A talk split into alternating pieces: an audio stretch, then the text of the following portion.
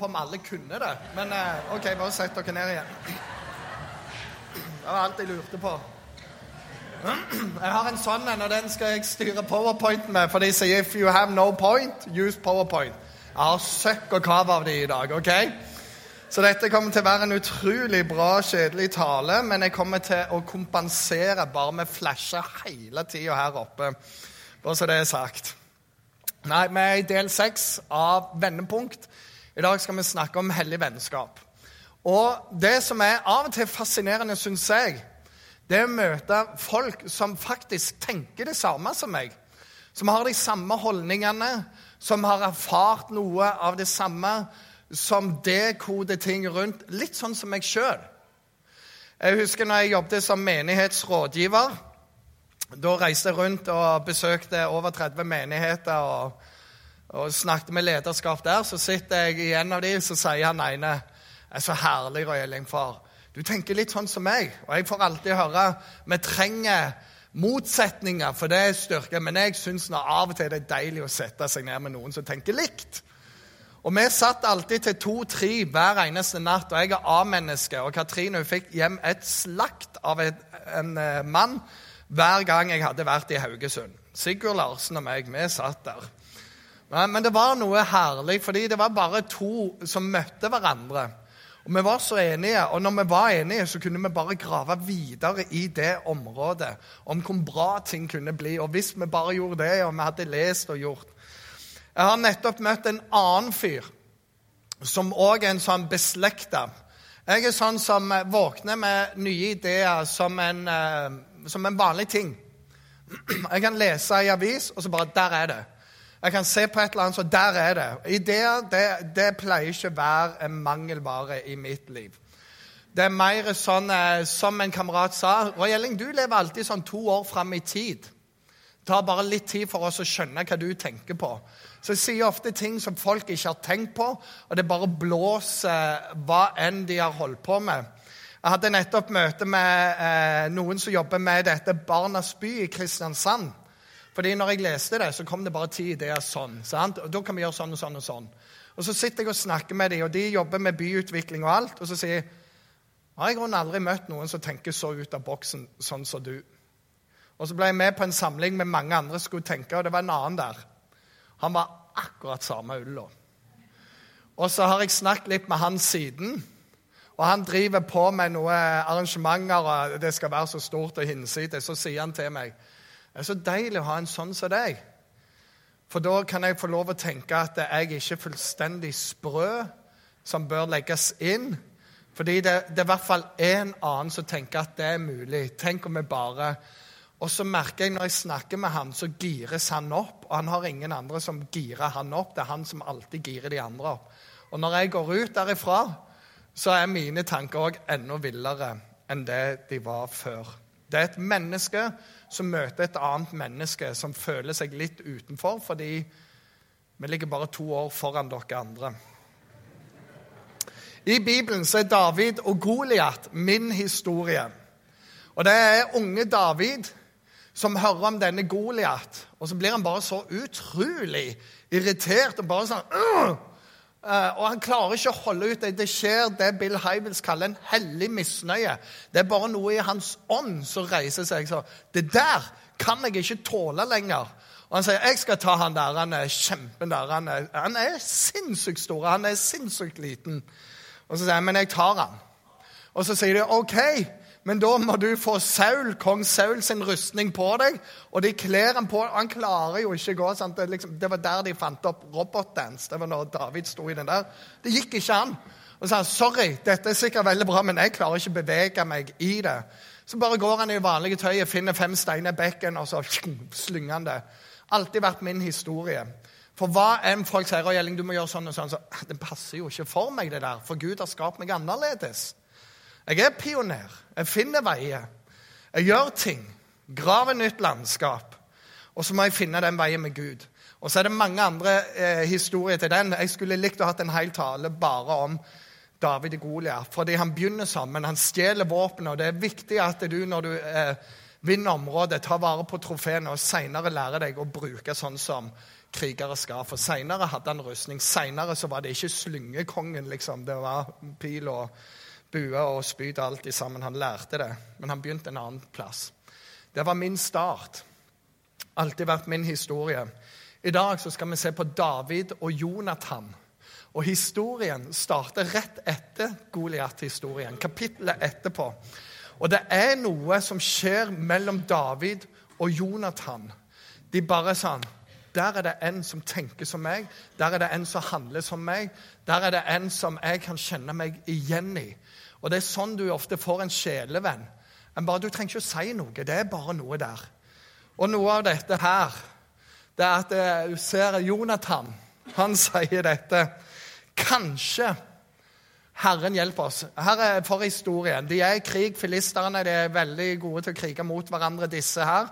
De har egentlig ikke så mye med våpen. Og så sier Jonathan til han ene våpensvennen la oss gå litt opp nå. Og De går opp en plass der det er to bergsider. Det er egentlig ugjennomtrengelig område. Det vet filistene, så de ligger der og skyter egentlig alle som eh, kommer der. Men så sier han jeg er lei av dette, herrene.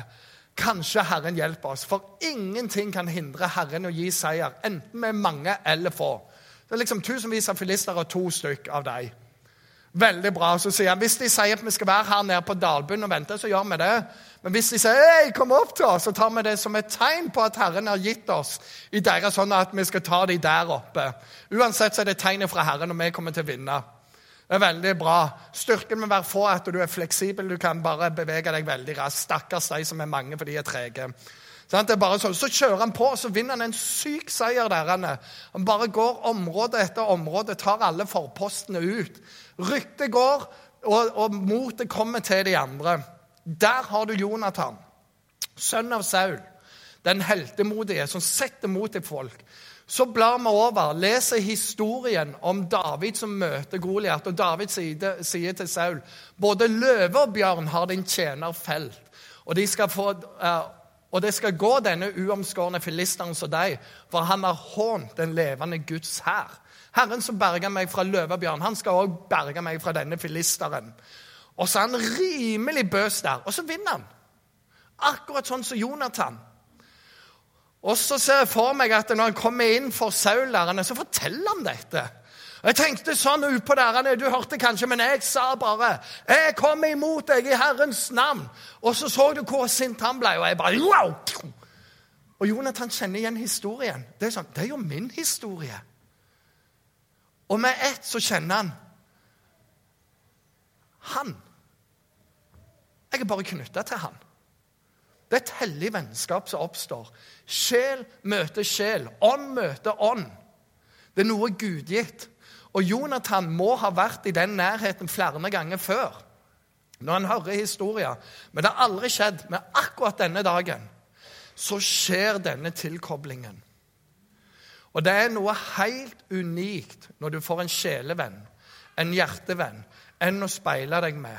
Denne type relasjon som en mann har med en annen mann, eller en kvinne har med en annen kvinne, som bare er noe gudgitt. Det styrker deg, det gjør noe med livet ditt.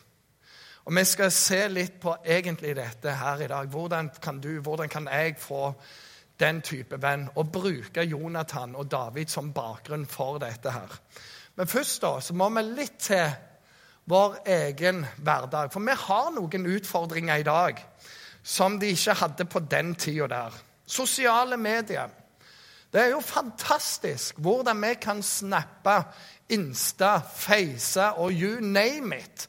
Vi er så ekstremt tilgjengelige at vi aldri er til stede. Når vi er sammen med folk, så det kommer pip, så er du der, så er du vekke fra samtalen. Kan sitte og snakke. Ja, du vet, så kom jeg der, og så gjorde vi det, og det er et par ting jeg vil snakke med deg om. Og det første er pip! Og så er det viktigere enn å være til stede. Tilgjengelighet er viktigere enn tilstedeværelse. Det sosiale på skolene går ned, for de er der istedenfor å være der og leke med hverandre. Så når de kutter ut mobil, hva skjer? Sosial kompetanse øker jo bare umiddelbart. Hva skjer med oss? Vi skal bare sjekke noe. Og det skjer en avhengighet som en rus. Du bare må være der, og du trenger å komme av av det. For denne greia her gjør at eh, lang avstand blir kort, men den korte avstanden blir mye lenger. Hele verden kommer inn. Du kan være så på med alle, og du får sånne pseudo-vennskap. Du tror du kjenner de godt. Vi utleverer oss utrolig på sosiale medier. Vi sitter sånn og snakker Veldig vanskelig å si noe som helst. Poster det heller på Facebook. Og så skjer det noe at det er vanskeligere å få disse typer relasjonene. Det neste tingen det er enmannshusholdning. Jeg skal fortelle litt hva dette er. Før så bodde vi fire generasjoner i ett hus. Det var en fantastisk tid. Vi klarte å skjære ned til tre generasjoner. Det var foreldre med barn og foreldre over de igjen. Vi klarte heldigvis å skjære det ned til to generasjoner. Og nå så er det sånn at vi helst lever én generasjon. og det er ikke, ja, Vi har unger, men vi skal få dem ut. Og takk Gud for kristen internatskole, for da kan de komme seg ut når de er 16 år. Og så er det fenomen som alltid har vært der, men som bare øker og øker og øker. Det er enmannshusholdning. Det er én person som bor helt alene. Det fins mange gode grunner til det. Her er statistikken fra eh, Statistisk sentralbyrå. 40% av husholdningene i Norge består av én. 23% av vår befolkning over 18 år. 23% bor helt alene. Og eh, prosenten øker hele veien. Vi er kun slått av Sverige. Der bor det 47% helt alene. Jeg vet ikke hva det er med svenskene. Jeg liker dem, men de liker jo ikke seg sjøl engang. 47 Anders Barstad, som er forsker eh, på demografi og levekår eh, med Statistisk sentralbyrå, sier dette. Økt velstand Økt velstand er lik at du klarer det alene, som flere velger å bo alene. Bosetningspolitikken spiller inn. Mindre hus, mer leiligheter, klem det inn, gjør at vi kan bo alene.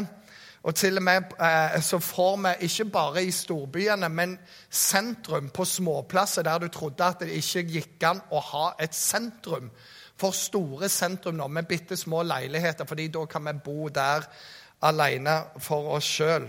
Samboerskap med, sin ustabile, med alle de ustabile forholdene, sier han, gjør at mange, mange flere bor helt alene i perioder mellom forhold. Eller så har de bare vært gjennom så mange forhold at de sier jeg vil heller ha en kjæreste, og så bor vi hver for oss. For jeg orker ikke den opprivningen der. Og så sier han til slutt òg individualismen blir opphøyd. Det gir nå en status Isteden, sånn som før, så ga det en skam. I stammekultur så er den ultimate straffen hva er den? Du får ikke lov å bo med oss. I fengsel, hva er den verste straffen nest etter dødsstraff? Isolasjon. Så hvis du var utstøtt, hvis du bodde alene, så var det noe galt med deg. Men nå så har det blitt den høye, gode tingen. Og så sier han noe mer. Eh, han, han sier at eh, det, den økende andelen skyldes først og fremst kontroll. Et moderne menneske ønsker å styre over sine liv sjøl. Og så sier han òg ensomhet er mer utbredt blant folk som bor alene, enn blant de som deler husholdning men ektefelle eller samboer. Og han sier at de kan ha like mange venner, like mange gode relasjoner, like verdifulle liv. Det går ikke på dette. Og jeg vet flere her og flere av mine venner bor helt alene. Men jeg vet òg at ensomheten er større blant mange. Som noen av mine venner sier, det blir veldig mange fredag- og lørdagskvelder som er tomme, og der de lurer på en del ting. Men det glemmer de på neste tur til en fjelltopp i et land jeg ikke har hørt om engang. Den tredje tingen det er individualismen. Og det, det er et mål det handler om hva jeg ønsker, hva jeg vil, hva jeg kan, hva jeg bør. Det handler om at jeg skal reise verden rundt. Det handler om alle disse selvhjelpsbøkene som handler om å dyrke egoet.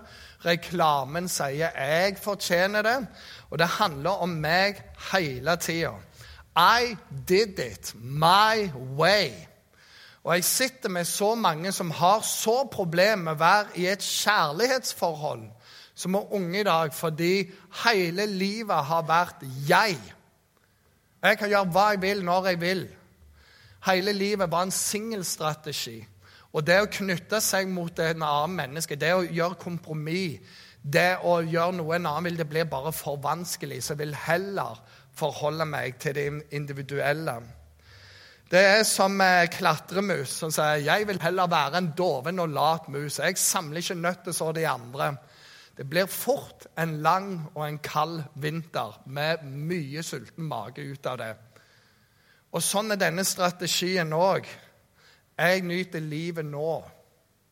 Det kan fort bli en veldig lang og ensom affære, det, på sikt. Når de andre gifter seg, når de andre flytter, når livet snur rundt når sykdommen kommer, når det andre ytre du ikke kontrollerer, forsvinner, hva da?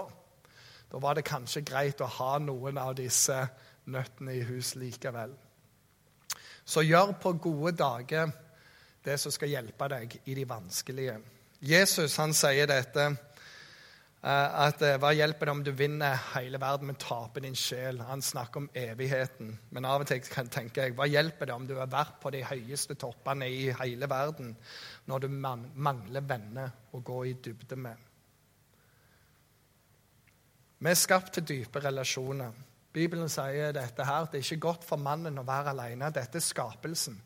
Og tenk, tenk Adam. Han var med Gud hele tida.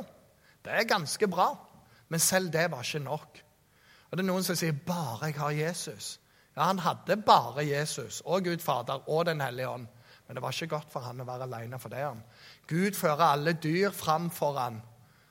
Altså, og det var heller ikke nok. Vi er skapt for relasjoner. Vi er skapt for menneske-til-menneske-relasjon. Statistikk sier dette. Dette er en forskning som har vært i, i California. Det sier det at hvis du ikke har disse dype relasjonene Du har bekjente, du har gode Facebook-venner og sånne ting. Så, hei, hvordan går det, venner? Så har du tre ganger så stor sjanse for å dø tidlig. Fire ganger så stor sjanse for å bli emosjonelt utbrent. Fem ganger så stor sjanse for å bli klinisk deprimert. Ti ganger så stor sjanse for å bli innlagt med mental eller emosjonell forstyrrelse.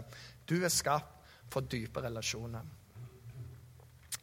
Og vi skal da bruke denne tida her til å se litt på det. Hvordan kan jeg få en sånn venn? Hvordan kan jeg få et sånn Jonathan-David-forhold i vår tid i dag? Vi skal se litt på tekstene. Dette skjer i kapittel 18. Kapittel 17 handler om David og Goliat. Første verset etterpå. Da David hadde snakket med Saul, ble Jonathan nær knytta til David, og han fikk han som skjær som sitt eget liv.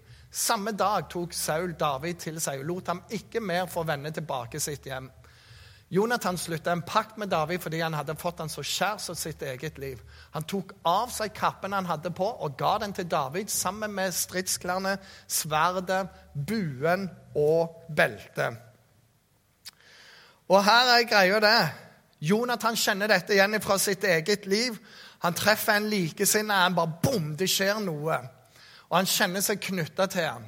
Og Det første jeg drar ut av dette, her, det er at du må jo være der folk er. Du får ikke disse vennene når du bare sitter i sofaen eller er på et brett. Vær ute blant folk. Jonathan var ute blant folk. Han sto med sin far. Han møtte folk hele tida. Og det, De fleste ganger skjer det egentlig ingenting. Kul historie. Wow, for en bragd. Veldig bra. Ok, der gikk det sånn med han, ja. ja. Ok, sånn hadde de det. Og plutselig der er det. Hver gang du møter folk, så er det ikke magisk. Men hvis du fortsetter, så skjer det noe magisk en eller annen gang. Vær til stede. Og Han får denne tilknytningen der. Og når han gir en kappen og alt det andre, så er det minimum et tegn på han er min venn. Han går i mine klær. Hvis du rører David, så rører du Jonathan. Rører du Jonathan, så rører du kongen. Og stakkar deg. Han er kledd sånn som meg. Jeg går god for han. Det er min gode venn. Han gjør det veldig, veldig synlig at han, han tar det. Og så videre så ser vi En gang snakket Saul med sin sønn Jonathan og med alle sine menn om å få David drept. Saul utvikler en sjalusi til David som er helt enorm. Det kommer tilbake til det neste uke. Men Jonathan, Sauls sønn, holdt meget av David. Derfor fortalte Jonathan dette til David og sa Min far Saul har til hensikt å drepe deg. Ta deg i vare i morgen tidlig. Finn deg et skjulested og gjem deg der. Så vil jeg gå ut på marken hvor du er, stå ved siden av min far. Jeg vil snakke med han om deg, og merker jeg noe, skal jeg si det. En god venn forteller deg alt. En god venn holder ikke tilbake. Det betyr hva som er ytre, men det betyr òg når det er noe som ikke er bra. Egil Svartdal hadde vi besøk av her i høst. Og Han fortalte når han var den modne 15-åringen som hadde fått en veldig umoden kjæreste på 14 år. Prøvde å oppdra henne litt og, og sånne ting. Så kommer en, kamerat til han og sier, 'Egil, jeg må si noe til deg.' Og det er at eh, hun har det aldri bra når du er til stede. Hun blir stille, inneslutta, bare sitter der. Mens når vi er med hun uten deg, så er hun så livlig, så kreativ. Hun ler, hiver seg utpå. Og så sa han det. Og det var jo selvfølgelig ikke kjekt å høre. Men det var eh, det man vekker og han klarte å endre seg. De ble gift, og han var forlover. Så sier Egil, ta godt vare på de som sier fra til deg. Det er de beste vennene dine. De som har guts til å si det ubehagelige til deg. En god venn forteller deg alt. Så er det noen som 'Jeg har ikke hjerte til å si det'. Nei, du har ikke hjerte til å si det for din egen del. Og da er du ikke en god venn. Ja, men jeg har ikke gaven til å si ifra. Det er ikke det det går i. Hjerte-til-hjerte-forhold. Der, der, begynner av og til samtalen. Det jeg skal si nå, det smerter meg antageligvis mer enn det det vil smerte deg å høre det. Det er hjerte til hjerte. Du identifiserer deg med den andre. Men så må du likevel. For det er noe der som ikke er bra. Du sier fra. En god venn sier fra fordi du ønsker å hjelpe din venn. Vi har blindsoner. Det er andre ting vi ikke vet om. Vi trenger å si ifra til hverandre. Her advarer han. Og du sier fra om fare så fort som mulig, og du prøver å hjelpe dem. Når folk har en jobb som står i fare, når de har falt i unåde hos noen, når noen har et eller annet rykte går rundt omkring Du sier fra. Du prøver å gjøre det fordi det er din venn. Vi går videre her. Jonathan talte Davids sak hos sin far eh, Saul og sa kongen må ikke gjøre en urett mot sin tjener David, for han har ikke gjort noe urett mot deg. Jeg skal ikke lese mer, men bare det. Jonathan talte Davids sak hos Saul. En god venn fremsnakker deg. En god venn rydder vei for deg. De taler din sak på sitt initiativ. Det er ikke sånn 'Kan du gå og si til de at det er sånn og sånn?' Det er bare sånn De gjør det bare fordi de er glad i deg, og de ønsker deg vel. Når noen baktaler, så fremtaler de. De endrer oppfatningen hos de andre. De gir et nytt perspektiv. De framholder alt det gode om deg. Og du fremtaler selvfølgelig din venn. Gjør du ikke? Du baktaler aldri din venn men du forsøker å fremsnakke dem. Og du elsker å se din venn lykkes. Så når ble noen av dine nærmest forfremma, fikk nye utfordringer pga. det du gjorde for dem, uten at eh, noen sa det, du bare gjorde det? Det er det en god venn gjør. Når beholdt noen jobben pga. deg? Når fikk noen en ny sjanse i andre relasjoner fordi du gikk imellom der, fordi det er en god venn? Dette er det eh, Jonathan gjør. Han berger livet til David her, hos sin far. Og det er veldig underlig. Faren Saul hater David. David var en direkte trussel mot Saul fordi han var ny konge egentlig. Og Det betydde i den tiden at Saul skulle drepe David Jonathan burde òg være på det laget. For det var som hvis David gjorde opprør, så var normalen at du drepte hele kongefamilien. Alle sammen, så ingen kunne hevne seg og ta tilbake tronen. Så hans liv var egentlig i fare, men de hadde en annen ånd. Han var knyttet til henne. Og vi ser det her. David svarte med en ed. Og så kommer det seinere. Så lenge jeg lever, må du være trofast mot meg, slik Herren er det. Når jeg dør, dette Jonathan, må du aldri ta din trofasthet bort fra mitt hus. Når Herren har utryddet alle Davids fiender fra jorden, måtte da Jonathans navn ikke bli utryddet, men leve sammen med Davids hus. Måtte Herren ta hevn over Davids fiender. Så bekrefter Jonathan enda en gang sin ned til David, for han holdt av ham, og han hadde David like kjær som sitt eget liv. De to karene der hvis du leser, de, de lagde en ed, så var det en ny ed, så var det enda en ed, og så var det en ed. Og det var bare ed og ed og ed og ed hele tida. Det var bare sånn Best friends forever! Woo! Det var helt der. Kom igjen, mitt liv for ditt liv. og yeah! Hele tida. Og den ytre faren var jo helt ekstrem. Men det var bare oss to. En ed. Jeg svikter deg aldri. Jeg står ved mine ord. Mitt liv for ditt, ditt liv for mitt. Din godhet over meg, min godhet over deg. Og det bør være den forpliktelsen vi har til våre venner òg. Siste gang de ser hverandre, så står det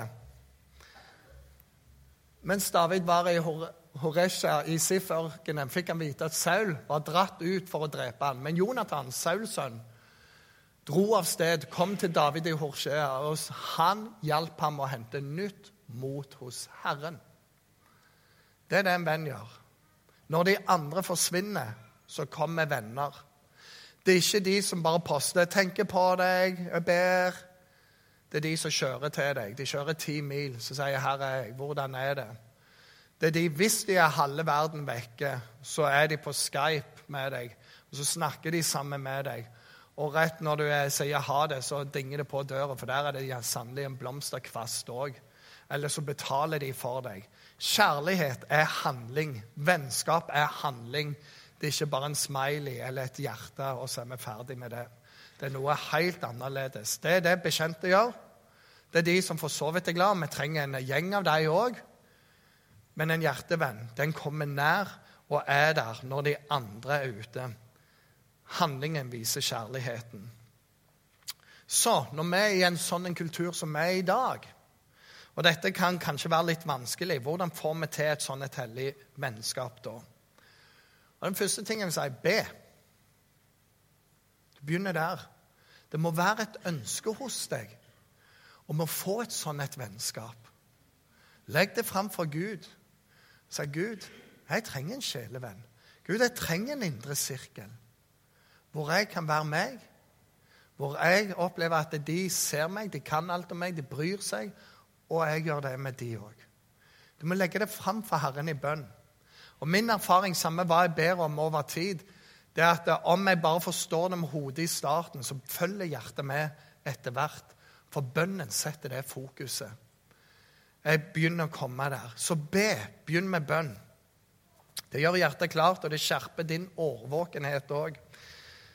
Og du setter Gud på saken sammen med deg. Det er du og Gud i sammen. Aldri Gud alene. Jeg ba jo, Gud gjorde ingenting. Det er veldig vanskelig for Gud når du bare sitter i sofaen. Så det neste det er oppsøk fellesskap aktivt. Der var Jonathan. Han var med folk. Du oppsøker fellesskap. Her i menigheten så har vi to hovedmåter å si hvordan vi får disse fellesskapene. Det er ikke her på møtet. Fordi her er vi så mange. Vi har eh, et eh, nakkefellesskap. Og inne i kafeen det er hyggelig der, men det er veldig vanskelig. For det er jo høyt volum og kaos, og alle skal få vafler før vi har bedt ferdig med de andre, så vi slipper å legge på oss. Takke for omsorgen. Men, men våre hovedområder for å få vennskap, det heter smågruppefellesskap hvor du jevnlig møter andre folk. Gjerne over en kopp kaffe med en åpen bibel. Og etter hvert så blir kjent med hverandre, deler liv og investerer i hverandre. Jeg har noen venner som var i et sånt småfellesskap i Imi-kirka. og De skulle ha konfirmasjon hjemme. Bygde nytt hus. Og så sa de bare siste uke før konfirmasjon da reiser vi til Syden. For ellers så kommer vi bare til å bygge og bygge på det huset. For vi klarer ikke å bli ferdig med alt uansett. Og vi, vi må nullstille oss, sånn at vi kan ha en skikkelig konfirmasjon. Være til stede, for det er det det handler om, og ikke se på lister og uteområder. De fikk ikke gjort en eneste ting ute. Så reiser de. Så Den dagen de reiser, så samler resten av smågruppa seg og sier det hadde vært kult. Og så girer de hverandre. Så på eget initiativ så bruker de sine egne penger, kjøper ferdig plen, rydder hele uteområdet, planerer, legger plen. og Alt er fint og ryddig. Og når de kommer hjem, så står de bare og måper. Og mange år etter så forteller de om dette ennå. Det er ei cellegruppe. Og så kan jeg fortelle deg om sånne historier, og om sorg og smerte, og på forskjellige måter når cellegrupper kommer. Fordi det er et fellesskap. Mer enn annenhver uke eller en gang i uka så er det noe sjel-til-sjel-forbindelse. Og hver gang du velger å gå inn på den måten som de valgte der Ikke sikkert de hadde den relasjonen så tett før, men etterpå, hva skjer? Du smelter jo bare. sant? Og avstanden blir mindre mellom mennesker. De blir mer kjære for deg. Så småfellesskap er den ene når vi oppsøker fellesskap. Den andre det er tjeneste. Her i menigheten så må jeg si noe av det kuleste tjenesten som fins, det er å få lov å være med GLS-teamet. Det er sånn, og GLS det er en konferanse som er to dager. Over 50 frivillige. Og vi ansatte får ikke lov å være med i det. For vi skal liksom gå rundt og snakke med de andre pastorene. Og vi er skikkelig misunte. For ser jo dere har det veldig gøy, har eget VIP-rom, egen mat. Ærende, klapper hverandre på skuldrene. Hvis vi prøver å hjelpe til Nei, nei, nei, nei nå ødelegger du jobben for en annen. Vi bare sånn Utfor det gode fellesskapet her. Det er noe fantastisk med å gjøre tjeneste sammen. For du erfarer sammen. Og spesielt når det ikke går helt etter planen. Du er nødt til å improvisere, du er nødt til å ha litt hjelp fra Gud. Du går opp til punkt 1, B, og så plutselig ser du det ordner seg. Vi klarte dette sammen. Det skjer noe. Og i en sånn menighet som er så stor som vår, så kan vi si når går det fra dere i menigheten til oss i menigheten? Ofte når du har en tjeneste. Så vårt svar er cellegruppe, tjeneste. Etter møtet i dag så vil det være noen som jobber med smågruppene, som vil gjerne snakke med deg. Vi har 200 stykk i smågrupper. Bare den siste tida nå så har det vært starta tre nye smågrupper i menigheten. Og det er plass til deg òg. Bli med og se hva Gud kan gjøre der. Den tredje tingen vær en venn. Det er så mange som bare går rundt og sier Nei, for ingen mener jeg. Nei, det er ingen som ser meg. Og så går du inn i en offerrolle. Og det er jo helt sånn, det er, litt, det er sofastrategien. Jeg skal ikke gjøre noen ting. De andre skal. Og så lager du unnskyldninger. Du kan lage så mange du vil, men det hjelper deg ingenting. Du blir bare sur. Jeg har en kamerat fra Danmark. Han heter Jakob Aan. Og han var i, Kristiansand og var i Salem da jeg var der. Hans strategi var som følger. Han gikk til folk. 'Ja, men god dag, jeg heter Jakob. Er du ny her?' Og så kunne Nei, nei, jeg har, eh, jeg har vært i Salem i 20 år. 'Å ja. ja, men jeg har ikke vært der. Jeg er helt ny, jeg.' og så ble det Og så hvis det var motsatt 'Ja, jeg er helt ny det første gangen.' 'Ja, ja, jeg har jo vært her ei god stund.' Det, det var tre måneder. Og så sa han kom, skal jeg hjelpe deg rundt og introdusere deg for folk. Men det var hans strategi. Han sa alltid er du ny her. Og hvis du var ny, så var han veteran. Og var du veteran, så var han ny. Vær en venn. Vær en venn. Vær et bønnesvar for noen. Det betyr ikke vent på en invitasjon. Inviter. Åpne opp hybelen din, huset ditt, hva enn det er ha folk på besøk. Det er utrolig mye festlig som kan skje over en suppeskål eller en middag eller en kvelds. Inviter folk ut. Gjerne en gjeng sammen. Ta initiativ til Nå er det snø, nå er det aking. Vi reiser ned. Se hva som skjer. Jeg har så mange vennskap som oppstår på sånne arenaer. Og for min del, jeg har plukka så mange ledere ut ifra bare tull og vas. Og så sier jeg der så jeg noe. Der har vi en leder. Og så får vi lov å investere litt i hverandre. Vær en venn. Og den siste tingen, dette søndagsskolepoenget og så skal jeg fortelle deg mye mer. Men gjør Jesus til din beste, din beste venn, skal det være. Til din beste venn. Og hvorfor det? For av og til så kan vi kjenne at 'jeg fikser det ikke'. Det er så mye ødelagt, det er så mye knust, det er så mange ting inni her. Og så sier han, 'Jeg vil ta ditt steinhjerte'. Jeg vil ta det, og så vil jeg gi deg et hjerte av kjøtt istedenfor. Og det er både en lang prosess, og det er samtidig en sånn boom! Der har du det. Og så skjer det noe enormt med deg. Jeg har en kamerat fra Irak. Når han kom til Norge, så hatet han aldri. Saddam hadde ikke vært så snill med slekta. Han var en av de få som levde ennå. Når han kom her, så sa han jeg hater alle, unntatt kona mi. Og så blir han med på noe møte, og så bare erfarer han Jesus. Og Dette er en svær mann. Sånn, han kunne spilt Tarzan-typen. Det er en sånn kamerat som jeg gjerne går i sånn trange smug med. Bare, sånn, bare bli med meg her. Og så når du kom på møte, og Jesus møter han, så kunne du bare si du vet, Jesus, Og så begynner han å grine. Så, Jesus, Jesus, så alltid sånn. Så er litt sånn, Jeg er jo sånn anlagt. Det er en av mine synder. Jesus. Og så sier han på et punkt Jeg elsker alle kristne. Sånn, Gud tok steinhjertet, ga han et kjøtthjerte. Så sier han jeg sliter med muslimene ennå, men Gud gjør noe der òg. Derfor er Jesus vår beste venn. Fordi hvis han får tak i oss, så begynner vi å se folk gjennom Guds øyne. Og hva er det Gud ser mennesker med? Han ser alle oss med kjærlighet. Og han lengter etter relasjonen. Helt ifra syndefallet så har Gud søkt å få den relasjonen tilbake igjen. Hele vår tro går på en Gud som bøyer seg ned. Som betaler alt som vi skulle betalt. Betaler alt som vi har gjort han er vår beste venn. Og Når vi gjør han til vår beste venn, så influerer det. Og til slutt, mer om Jesus her. Hvordan ligner han på Jonathan? Hvordan er bildet? Jonathan sa alt til David. Jesus sier dette. Jeg kaller dere venner fordi jeg har gjort kjent for dere alt. Jeg har hørt av min far. Dere har ikke utvalgt meg, men jeg har utvalgt dere. Skjønner du? Det er han som velger deg. Han venter bare på din respons. Han har gitt oss sin ånd som framsnakker oss. Det står dette at vi vet ikke hvordan vi skal be for å be rett, men Ånden kommer oss til hjelp, og han ber for oss med sukk som ikke går an å uttrykke i ord.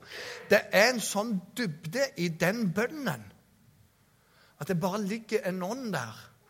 Og hans mål er å bære oss fram.